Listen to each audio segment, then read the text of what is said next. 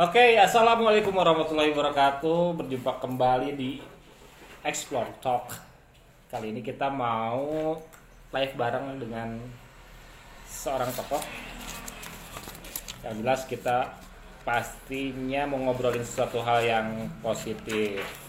Ngobrolin apa? Sesuai tema yang memang sudah dipasang di apa ya di medsos kita ya, sudah ada poster iklannya. Oh, tuh narsumnya juga udah udah mulai nyimak nih. Ini gimana ini mau di invite ya? Ada masalah? Oke, ini sambil teknis ya.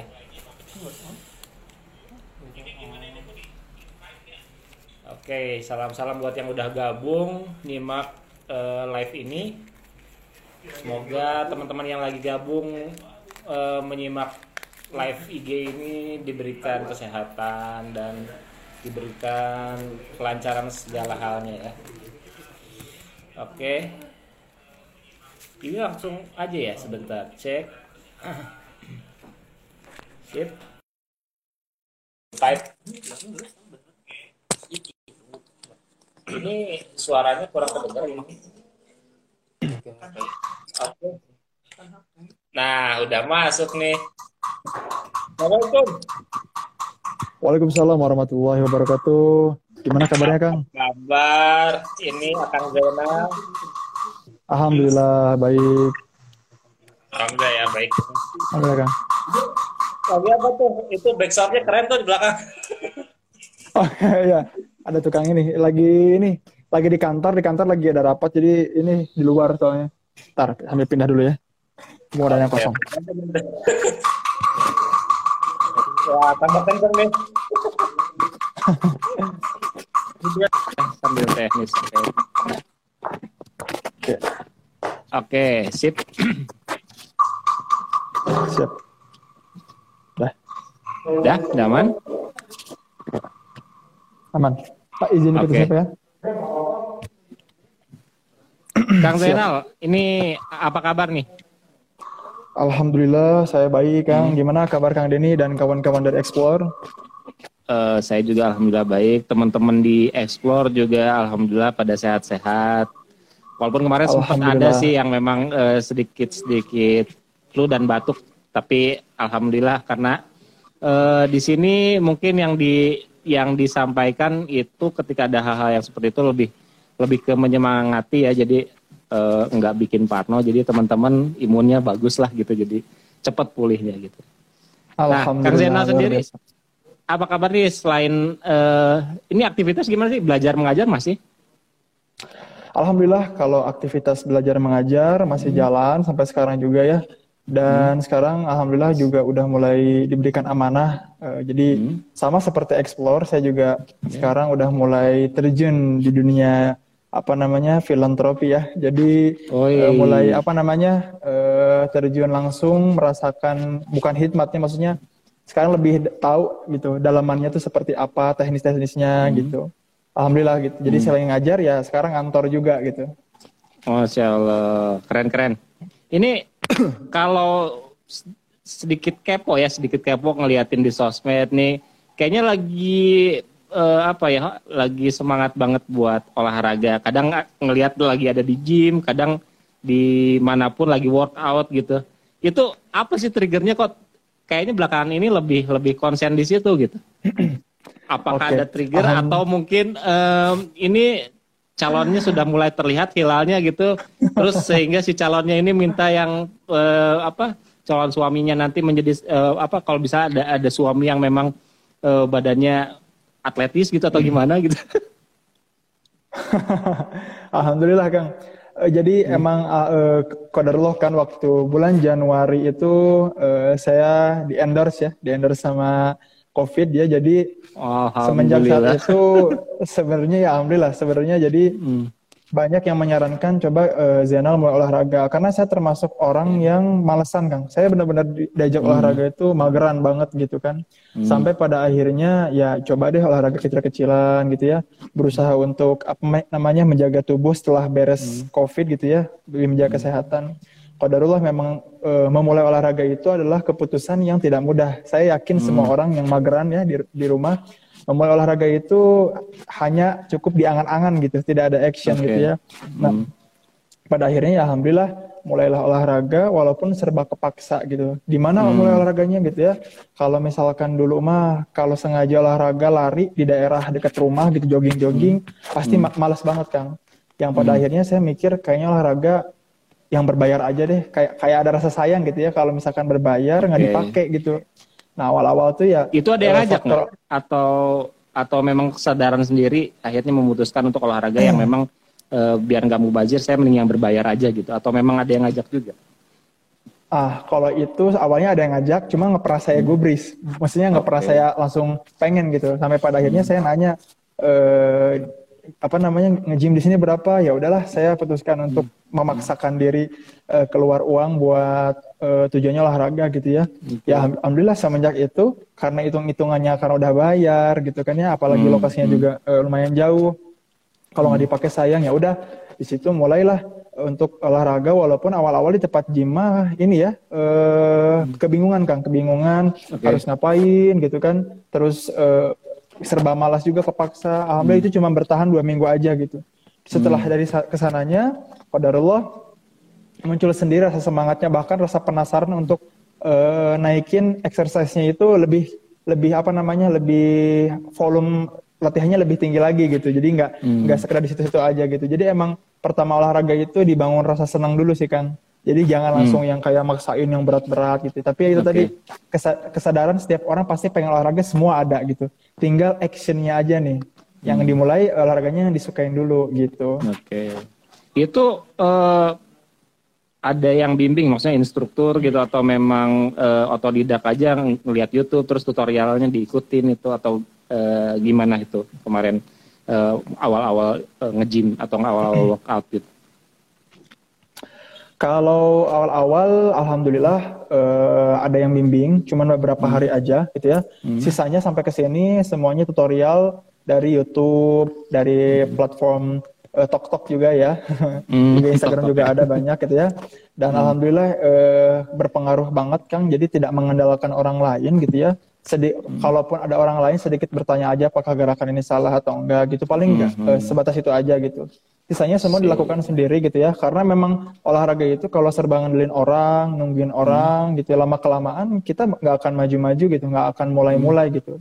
Kayak gitu. T- Jadi memang tapi udah- penting banget. Hmm, Oke. Gimana? Tapi udah mulai kerasa impactnya dari yang Kang Zainal lakukan sekarang ini atas eh, kegiatan-kegiatan yang sekarang mulai mulai aware ke arah arah ke arah kesehatan ya, maksudnya buat badan lebih fit ini.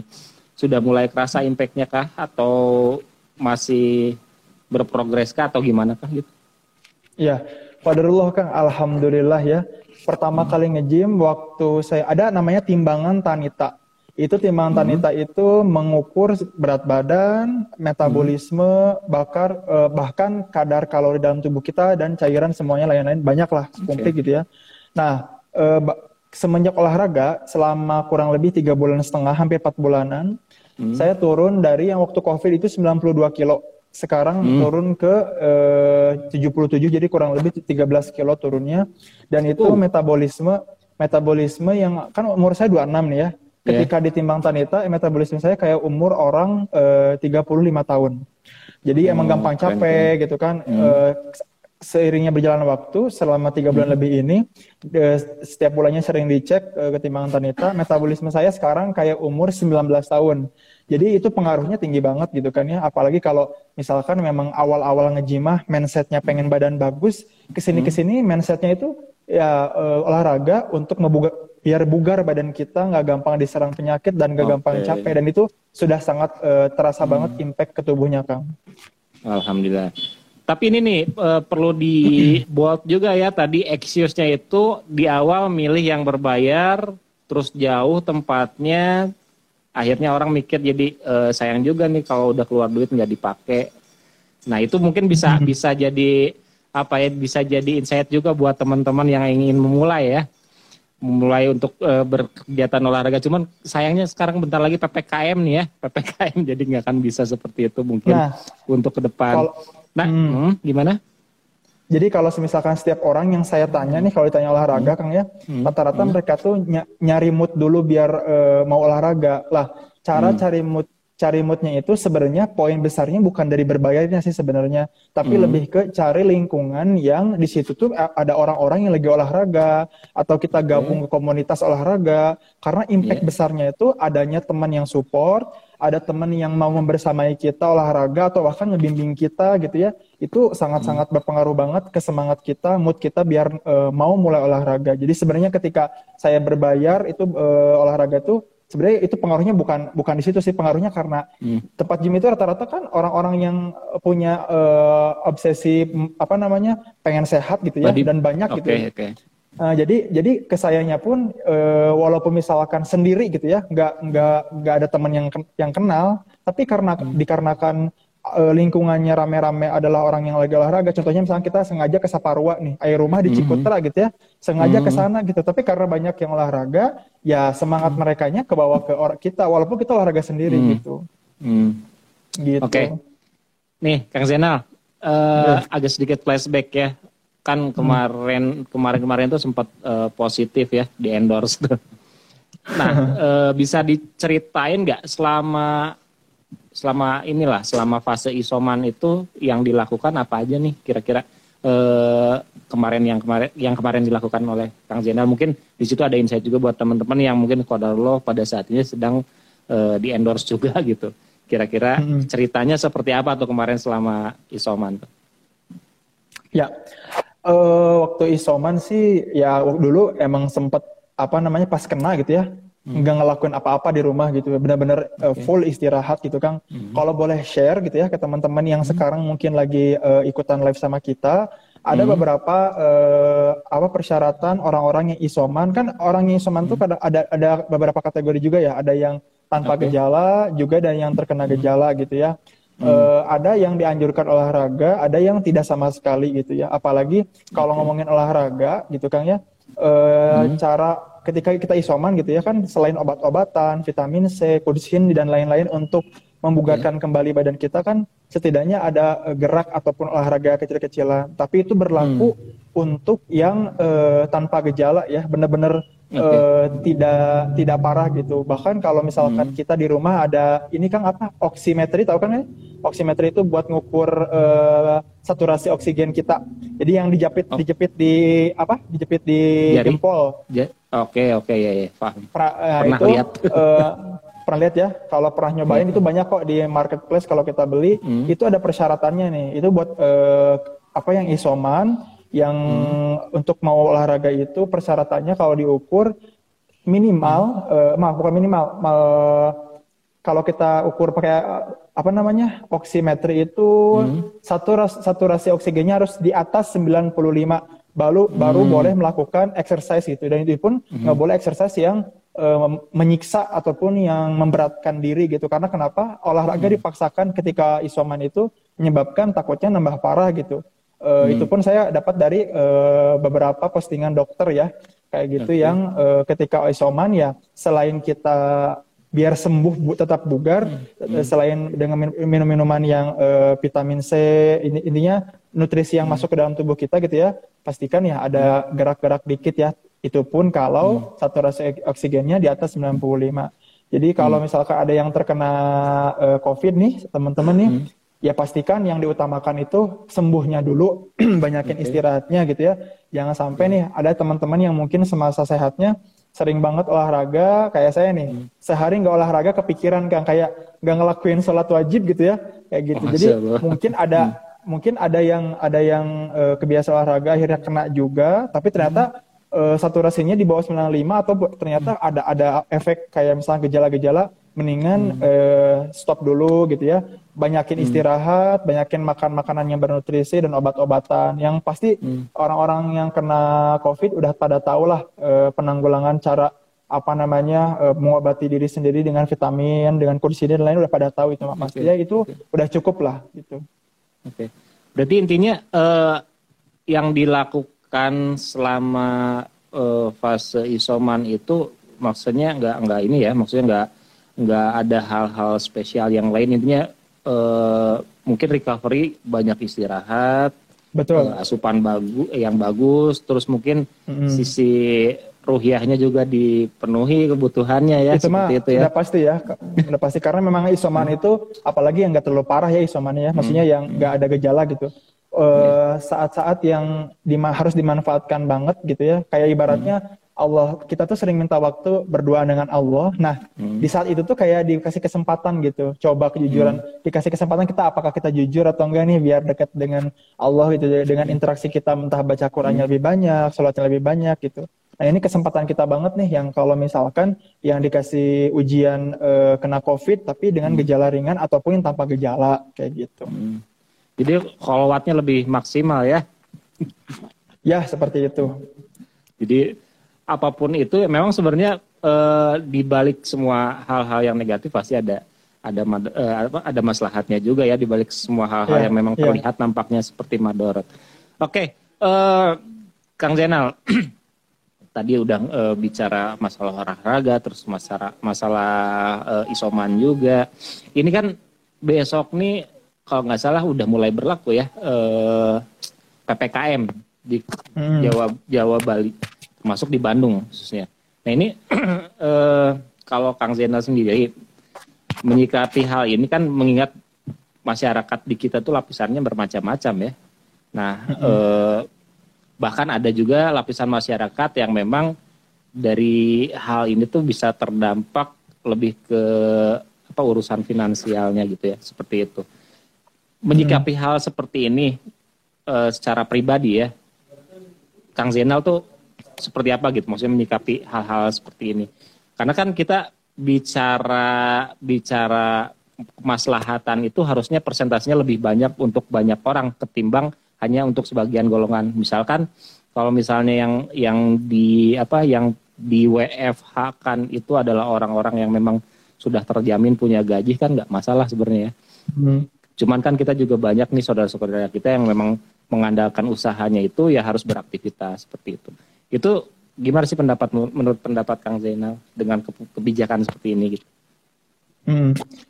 Ya, dengan datanya kebijakan seperti ini, jujur Kang ya, eh, hmm. eh, saya sendiri yang mungkin alhamdulillah eh, tidak diberi, diberikan ujian dalam artian saya masih hmm. punya kerjaan yang ibaratnya tidak saya buat eh, khawatir tentang nanti gimana nih kalau misalkan saya nggak ada ada penghasilan atau gimana gimana. Ya, dengan orang-orang yang beralasan contohnya misalkan hmm. saya keluar rumah dikarenakan ya saya mau cari duit gitu nggak ada nggak okay. ada penghasilan buat makan keluarga nggak ada hmm. kalau saya hmm. pribadi menanggapi uh, orang seperti itu saya tidak akan ibaratnya sampai kamu uh, apa namanya tidak mematuhi aturan pemerintah kamu tidak hmm. uh, memberikan uh, tidak intinya tidak samina wa atau lah kayak gitu ya nah hmm. masalahnya di sini Eh, kondisi seperti itu, kita sendiri sebagai orang umum ataupun pemerintah yang jabatannya tertinggi pun tidak memberikan solusi sama sekali gitu ter terkait tentang uh, bagaimana mereka bisa tetap hidup sejahtera, tidak lagi memikirkan hmm. urusan dapur, tidak lagi memikirkan urusan uh, perut gitu ya. Hmm. Uh, apa penggantinya gitu ketika mereka hmm. ibaratnya ada uh, kondisi seperti ini PPKM hmm. gitu ya, hmm. tapi hmm. Terjamin juga uh, mereka tidak merasakan kelaparan, terjamin juga mereka tidak uh, apa namanya ibaratnya sengsara gitu ya hmm. seperti itu. Jadi kalau uh, kita pun dalam menyikapi COVID Kang ya, jangan hmm. sebagai orang yang katakanlah uh, masih tidak mengkhawatirkan dan masih hmm. ada penghasilan gitu ya, jangan hmm. sampai mendoktrin uh, ke salah satu kubu gitu. Contohnya hmm. ada yang nggak percaya banget sama COVID sehingga dia gembor-gembor COVID itu konspirasi gitu, okay. COVID itu atau apalah gitu. Ada juga yang misalkan dia itu benar-benar uh, hati-hati banget sampai hmm. takut banget sama COVID gitu ya. Nah tugas Parno, kita ya? sebagai muslim kan parno gitu. Emang tugas kita sebagai muslim kata kata guru saya juga kita jangan terlalu meremehkan COVID ini sehingga hmm. seolah-olah kayak merendahkan bahkan seolah-olah kayak uh, apa namanya ya meremehkan gitu ya. Tidak hmm. juga terlalu berani gitu kan karena memang kita sebagai muslim itu ya emang harus waspada tapi hmm. jangan sampai meremehkan atau terlalu berani gitu ya tugas kita mah uh, jangan sampai menginfluence orang untuk terlalu uh, apa untuk terlalu ber, berlebihan rasa takutnya gitu ya ataupun hmm. ber, uh, terlalu nantangin juga jangan kayak gitu lebih hmm. ke hmm. ya udah kalau misalkan kita contohnya nih saya pernah kena covid tapi jujur saya hmm. alhamdulillah tidak bergejala berat jadi menurut saya ini flu biasa gitu tapi ke, ke sebagian orang yang merasa COVID ini tuh uh, hal yang berbahaya, kita jangan sampai mengeluarkan statement seperti itu, harus menghargai gitu. Karena memang kenapa kita harus menjadi orang yang membuat orang lain tenang gitu dengan hmm, statement di, kita gitu ya, walaupun hmm. berbeda pendapat gitu. Kalaupun hmm. pemerintah uh, apa memberikan kebijakan seperti itu, ya kita kan mau tidak mau ya walaupun banyak sekali uh, tentangan dalam hati kita gitu Kang ya. Hmm. Mau tidak mau yeah. ya harus samina wa atona gitu. Apalagi hmm. kita sebagai warga negara biasa yang tidak punya suara besar untuk kayak merubah keadaan seperti ini ya mau gimana lagi gitu ya. Ya uh, kondisi seperti ini mau tidak mau kita harus uh, balik lagi diserahin kepada Allah Subhanahu wa taala gitu. Betul. Seperti itu sih Kang. Oke oke. Uh, nangkep sih. Jadi intinya kita harus proporsional aja ya Kang ya. Maksudnya proporsional uh, betul kita nggak boleh terlalu sompral juga dan kita jangan terlalu apa ya menyepelekan juga ya intinya seperti itu. Mm. Oke, okay. uh, eh, ini ini sambilnya Pak teman-teman yang lagi nyimak nih ya di tempatnya masing-masing dan ini juga ada sedikit pertanyaan dari teman-teman yang nyimak Kang apa bedanya COVID sama cepot katanya mungkin bisa jawab Kang Zena jelas beda ya. COVID. ya. Cepot mah tokoh yang COVID mah penyakit atau virus. Oke. Okay. Mungkin itu jawabannya. Oke, okay, uh, eh, Kang Zainal masih ya. apa? Masih bicara tentang aktivitas lah balik lagi ya kalau tadi kan bicara uh, tentang workout atau olahraga segala macamnya. Kan mm -hmm. uh, kalau biasanya nih kalau yang saya tahu nih Kang Zainal suka ada uh, aktivitas undangan untuk uh, meng mengimami gitu ya karena kan Kang hmm. Zainal ini juga orang juga sebagian banyak udah pada tahu kalau Kang Zainal ini adalah kori juga uh, biasanya kan suka ada undang-undang undangan-undangan mengimami atau acara-acara dakwah lainnya seperti itu untuk kondisi seperti ini uh, nerima nggak sih undangan kalau misalnya Kang Zainal sendiri pribadi Oke. Okay. Atau memang masih uh, worry juga gitu.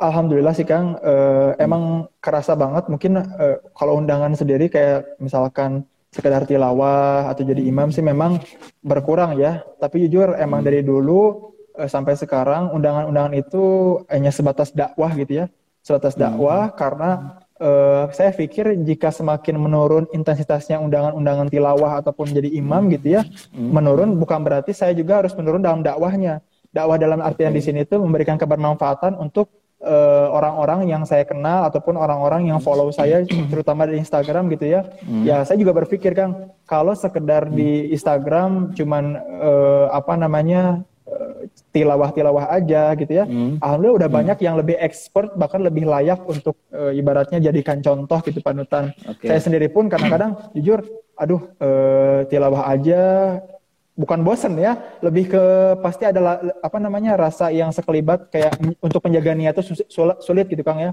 Nah, okay, dengan seperti okay. ini, hmm. dengan berkurangnya, dengan berkurangnya uh, jadwal misalkan diundang tilawah atau imamin di beberapa tempat, saya berpikir untuk ah karena tujuan di awal saya adalah dakwah, ya udah uh, dakwah saya nggak berhenti cuman nunggu orang ngundang saya gitu, tapi saya hmm. membuat uh, konsep dakwah di media media media sosial saya sendiri gitu ya. Apa ya kira-kira hmm. yang memberikan manfaat secara general gitu ya, yang tidak menggurui, okay. yang tidak apa namanya, yang tidak seolah-olah kayak saya punya perbedaan pendapat, terus uh, saya menentang pendapat yang lain tidak gitu. Hmm. Saya akhirnya lebih ke ya udah deh kan belum ada nih jarang-jarang penghafal Quran yang ibaratnya ngeblow up uh, aktivitas yang sebenarnya ini sunnah hmm. Rasul gitu ya menjaga kesehatan hmm. bahkan dianjurkan gitu di surat Al-Anfal ayat 60 juga wa'addu uh, mastata'tum ya. Mastata'tum. Jadi harus ada persiapan uh, ke dalam hmm. di, di diri kita gitu bahwa setiap yeah. muslim itu berhak uh, selain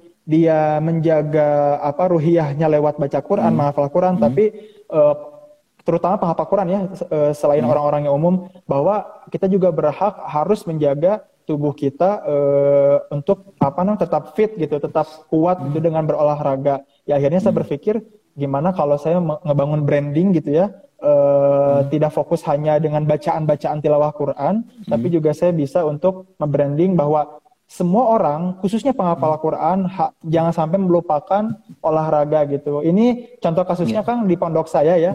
Dulu hmm. waktu di pondok saya banyak yang sakit-sakitan ketika mondok gitu ya. Dan hmm. ustadz saya selalu menyarankan, oh kalau gitu, jadi nggak nggak ini nggak apa, nggak uh, langsung nuduh penyakit apa penyakit apa. Oh kayaknya hmm. kamu kurang olahraga katanya gitu. Jadi hmm. setiap santri yang gampang sakit di pondok itu pasti disarankan untuk olahraga gitu Kang. Jadi ya udah deh, mungkin uh, yang dulu pernah diajarkan sama guru saya di uh, pondok, saya coba amalkan dan lebih dalami lagi gitu ya, uh, sedikit-sedikit uh, lewat konten olahraga gitu. Walaupun okay. ya itu tadi orang pasti mikirnya kok jadi berubah gini, jarang bikin video tilawah gitu. Mm -hmm. jadi pada intinya uh, dengan uh, hikmahnya dengan jarang diundang lagi ataupun sedikitnya intensitas diundang di luar itu hmm. membuat saya untuk ber, berputar otak tetap dakwah walaupun bukan sekedar diundang gitu tapi lewat konten-konten bermanfaat seperti olahraga yeah. gitu sih Kang. Oke. Okay. Ya, jadi dakwah itu uh, balik lagi sama dengan yang tadi mungkinnya proporsional sesuai dengan uh, kadar kadar atau kapasitas keilmuan kita juga ya, ya disesuaikan betul, jadi betul tidak tidak apa ya tidak tidak melebihi dari yang ada di kita gitu. Ya. Nah, uh, itu uh, kalau boleh tanya nih yang yang paling convert menurut Kang Zainal dengan uh, apa pilihan dakwahnya ya maksudnya kan kalau kemarin hmm. lebih ke menginfluence atau uh, bukan menginfluence lebih ke uh, apa ya menyemangati orang juga buat lebih uh, lebih rutin untuk bertilawah. Kalau sekarang kan lebih uh, mengajak orang untuk semangat berolahraga nih. Sebenarnya hmm. yang paling convert menurut Kang Zainal di antara dua pilihan itu yang mana sih? Dan alasannya apa? Baik, kalau kalau boleh jujur Kang, uh, media sosial yang kita semua pakai itu hmm. kayak sebenarnya sedang mendakwahi diri kita. Contohnya, hmm. kalau misalkan saya posting tentang jangan lupa baca Al-Kahfi, sedangkan okay. saya setiap Jumat atau Kamis jarang banget baca Al-Kahfi atau seinget-seinget hmm. doang gitu ya. Sebenarnya hmm. uh, bagus sih kalau kita ngingetin walaupun kita belum amalin ya. Dalam artian bagus hmm. di sini tuh ada bum, jadi bumerang buat diri kita untuk uh, mengamalkan gitu ya. Tapi kalau jujur lama kelamaan uh, saya sendiri pun kan ekspektasi orang tuh beda-beda ya. Kayak kayak misalkan yeah. gini, ada orang yang melihat saya seorang uh, apa namanya kori tukang baca hmm. Quran, penghafal Quran gitu ya. Hmm. Berarti hmm. rajin banget nih uh, baca Qurannya, berarti rajin banget ya uh, murojaahnya dan sebagainya intinya gitu. Hmm. Jujur saya ngerasa berat dan jadi uh, apa namanya suatu hal yang bikin saya takut diang jadi golongan orang yang fasik gitu kan ngerti nggak sih di orang yang fasik yang tidak ti, uh, yang expect yang diekspektasikan orang-orang tuh tidak seperti yang kalian bayangkan gitu jadi saya mikirnya hmm. uh, ya udahlah ibadah saya sekarang untuk sementara ini untuk sementara hmm. ini untuk tetap menjaga niat saya keep dulu saya pribadi hmm. yang tahu saya hmm. saya pribadi yang uh, apa namanya mengerti uh, kadar atau apa namanya seberapa jauh ibadah saya uh, di hadapan Allah gitu ya.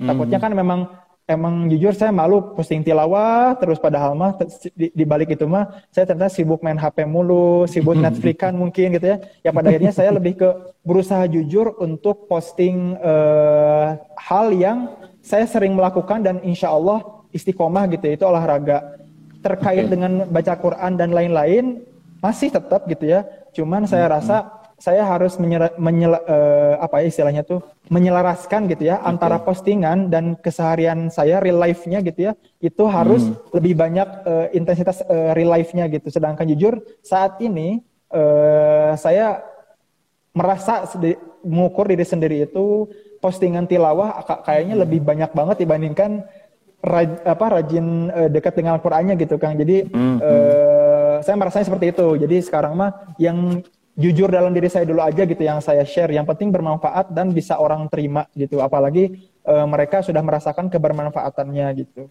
Oke. Jadi pada intinya sekarang lagi convert dengan dakwah bentuk untuk e, menyemangati orang-orang supaya berolahraga ya. Iya betul seperti itu. Oke oke daya olahraga juga sebenarnya dakwah karena ada perintahnya kan ya untuk uh, apa merawat kesehatan kita atau kan kita diamani sama yeah. Allah tuh buat menjaga kesehatan tubuh kita ya. Jadi itu hmm. mah sebenarnya uh, sudah diperintahkan juga ya maksudnya dibalik uh, apa di balik cara kita buat mendakwahkan ke orang sebenarnya sudah ada perintahnya juga.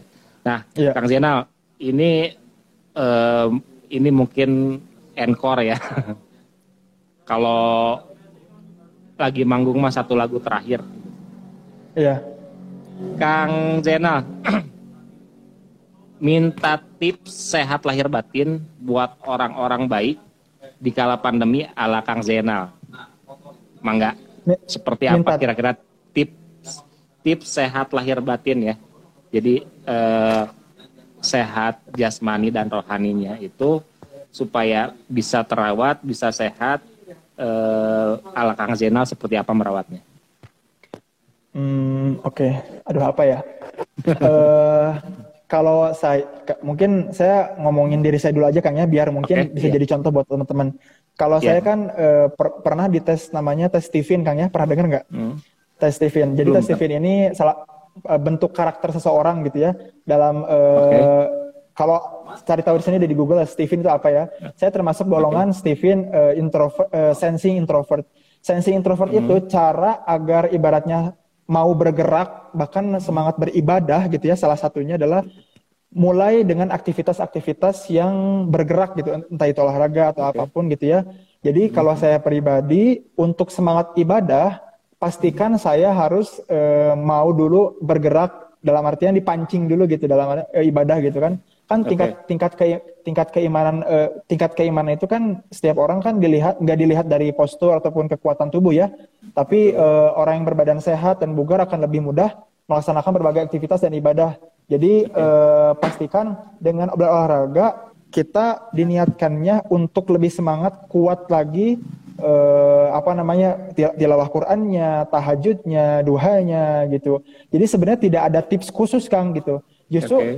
adanya adanya niat dalam hati kita itu adalah panggilan dari Allah gitu. Tugas kita hmm. itu adalah action. Kadang-kadang okay. gitu ya, kebanyakan orang ketika minta Kak minta uh, tips ngafal Quran, Kak minta hmm. tips olahraga uh, apa biar mau olahraga, Kak minta tips biar kuat nih uh, rohani dan jasmaninya. Apa pun yang berhubungan itu gitu kan kita harus bergerak ya, nggak mungkin diam aja rebahan terus berangan-angan gitu ya kuncinya satu gitu. Kita mau uh, kita mau action, kita mau bergerak itu udah cukup gitu. Sisanya okay. adalah kita lakukan dari hal yang terkecil dulu, hal hmm. terkecil yang kita sukai gitu ya. Hmm. Dalam bentuk apa pun ya, entah itu ibadah ataupun olahraga yang kita sukai itu uh, biar kita ada rasa ibaratnya wah lama kelamaan nanti juga kalau kita suka bakalan uh, semangat sendiri dan bakal bakal ini Kang naik sendiri gitu tingkat level okay uh, apa namanya uh, gerak kita ataupun hmm. ibadah kita gitu. Jadi intinya gak ada tips, tidak ada tips khusus, mulai hmm. action aja gitu ya. Dan hmm. pastikan uh, kita ingat bahwa akhir hidup kita itu ujung-ujungnya mati gitu ya kan ya. Tidak ada hmm. akhir yang dan kita tidak akan ketahui ke, uh, bakal ke mana akhir hidup kita gitu. Nah, dengan memikirkan hal itu, insya Allah mudah-mudahan uh, kita udah nggak lagi ada pertimbangan Kang untuk mencari hmm. tips sana sini tentang bagaimana tetap stabil nih antara tips uh, ruhiyah, rohani dan jasmani gitu. Yang, seperti itu Kang. Oke oke oke, keren keren nih. Uh, luar biasa obrolan hari ini banyak menginspirasi ya. Ini banyak banyak insight juga, banyak advice juga dari Kang Zainal ini supaya kita bisa lebih apa ya lebih bersyukur mungkin ya lebih bersyukur atas uh, kenikmatan-kenikmatan yang diberikan oleh Allah terlebih lagi tadi. Jadi kalau saya uh, menarik kesimpulan dari uh, pesan Kang Zainal nih di di encore tadi, memang uh, intinya trust yourself ya. Hmm. Kalian harus percaya dengan diri kalian. Kalian itu bisa kalau misalnya nanya ke orang lain juga ketika minta tips belum tentu cara dari orang lain itu masuk Cocok, atau ya? ngeklop dengan caranya hmm. apa dengan dengan dengan diri kita mungkin seperti itu ya. Hmm. Oke, okay, Kang Zainal ini terima kasih banyak nih atas waktunya. Sudah diganggu nih lagi sibuk ya. enggak, enggak, santai. Sudah diganggu terus uh, ya sekali lagi terima kasih banyak udah ngasih apa ya positif vibe lah untuk uh, obrolan di Explore Talk kali ini. Semoga uh, Kang Zainal, keluarga di rumah, teman-teman di kantor juga diberikan kesehatan, uh, beraktivitas buat uh, hikmat ya tentunya sama-sama kita berhikmat untuk umat dan semoga kita juga dijaga niatnya ya supaya tidak melenceng agar selalu terus uh, apa mengaitkan aktivitas kita ini dengan ibadah. Oke, Kang Zainal terima kasih banyak nih atas waktunya. Semoga kita bisa dapat waktu lagi buat ngobrol yang lebih seru lagi di Explore Talk ataupun di mana pun itu. Selama itu konteksnya positif dan mem, apa ya memberikan insight buat teman-teman kita orang-orang baik yang ada di Jawa Barat khususnya dan di Indonesia ataupun di seluruh dunia. Oke, Kang Zainal, atur nuhun. Oke, uh, buat teman-teman buat teman-teman orang-orang baik yang lagi nyimak, eh, pokoknya pantengin terus juga kegiatan Explore Humanity dalam berhikmat. Banyak program-program yang sekarang sedang digagas. Khususnya dekat ini kita mau ada program kurban, terus kita juga mau ada program-program charity lainnya. Mungkin bisa disimak di website dan juga jangan lupa kita punya platform crowdfunding namanya sedekahmudah.id jadi teman-teman yang ingin berkontribusi atau ingin bersedekah atau berinfak bisa dicek di sedekahmudah.id. Di situ ada banyak program-program yang kita gagas.